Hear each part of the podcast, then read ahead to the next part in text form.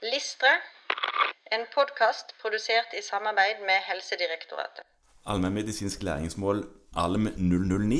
Selvstendig kunne innarbeide forebygging, helsefremmende tiltak og helseovervåkning i klinisk praksis.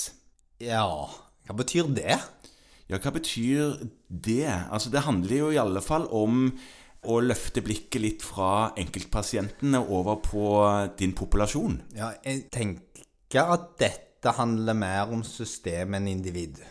Ja, ja, ikke Ja, sant? Det ja. handler om hvordan du har organisert din fastlegepraksis. Ja, og det handler noe om at man skal være bevisst at det er viktig at man legger opp arbeidsdagen og praksisorganiseringen sin på en måte som gjør at man har noenlunde oversikt over hvordan kvaliteten er, Ja. altså det som her kanskje snakkes om som helseovervåkning, og hvordan man tilbyr de ulike tjenestene. Overvåkningssystemer eh, brukes på nasjonalt nivå, som f.eks. MSIS-meldinger eller dødsårsaksregisteret eller diagnoseregisteret, ja, sånne ting. eh, for å holde oversikt over hva som skjer. Ja. Eh, og dette deltar vi jo i større og mindre grad i. Fastleger deltar mest med å sende MSIS-meldinger på allmennfarlig smittsomme sykdommer, Som nå er blitt elektronisk. som nå har blitt elektronisk. Ja, og kvalitetsarbeid er jo viktig, og der er det forskjellige kurs man kan ta, enten som enkeltperson eller som fastlegesenter sammen. Ja, Det handler om organisering av hvordan du driver. det- dette læringsmålet vil bli belyst i kurs.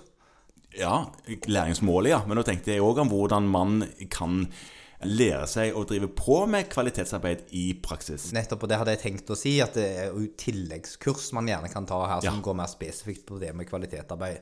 Og så sier læringsmålet at man skal innarbeide forebygging og helsefremmende tiltak. Og det vil si at det må være en del av arbeidsmetodikken vår. Ja, Man, vi skal ha dette som en måte vi jobber på i møte med pasientene.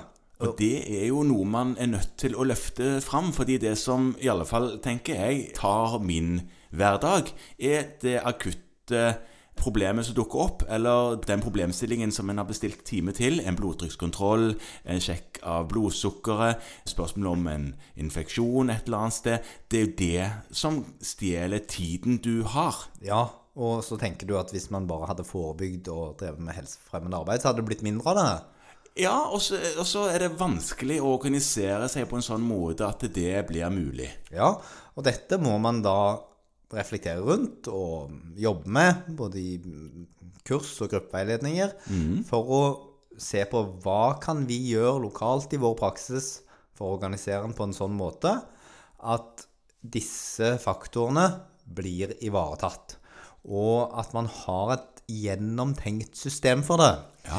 Og det tror jeg nok mange av oss kan gå litt i oss sjøl og tenke på at vi er ikke supergode på dette. Har vi egentlig en plan for hvordan man skal drive med forebygging og helsefremmende arbeid, og ikke bare behandling? Ja, og denne helseovervåkningen som det står om i læringsmålet, det handler jo om å kjenne pasientpopulasjonen sin. Ja. Og det, det, det er jo en del av de Selv om det i snitt er man går til legen to-tre ganger i løpet av et år som kvinne og mann, så eh, er det jo en del av de du har på listen som aldri er der. Ja. Og så jeg tenker at det er kanskje en liten påminning om at vi bør eh, holde styr med hva som foregår i praksisen vår. Både på system, eh, altså overordnet systemnivå, og på individnivå.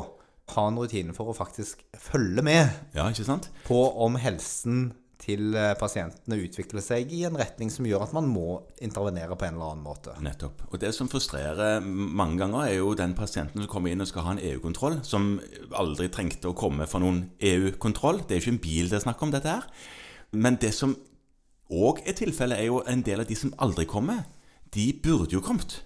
Ja, og da må man altså ha et system for å prøve å fange det opp, og det finnes da kvalitetsstøtteverktøy og rapportmoduler for. Ja, og så er det jo ikke alltid så lett å bare ta kontakt og drive på med sånn oppsøkende virksomhet. Det er ikke det jeg sier heller, men det handler om oversikten. Det er det man bør ha et system for. Nei, eh, man skal ha et system for det. Nettopp. Så det må man prøve å finne ut. Det er dataverktøy som kan eh, hjelpe her, ikke sant?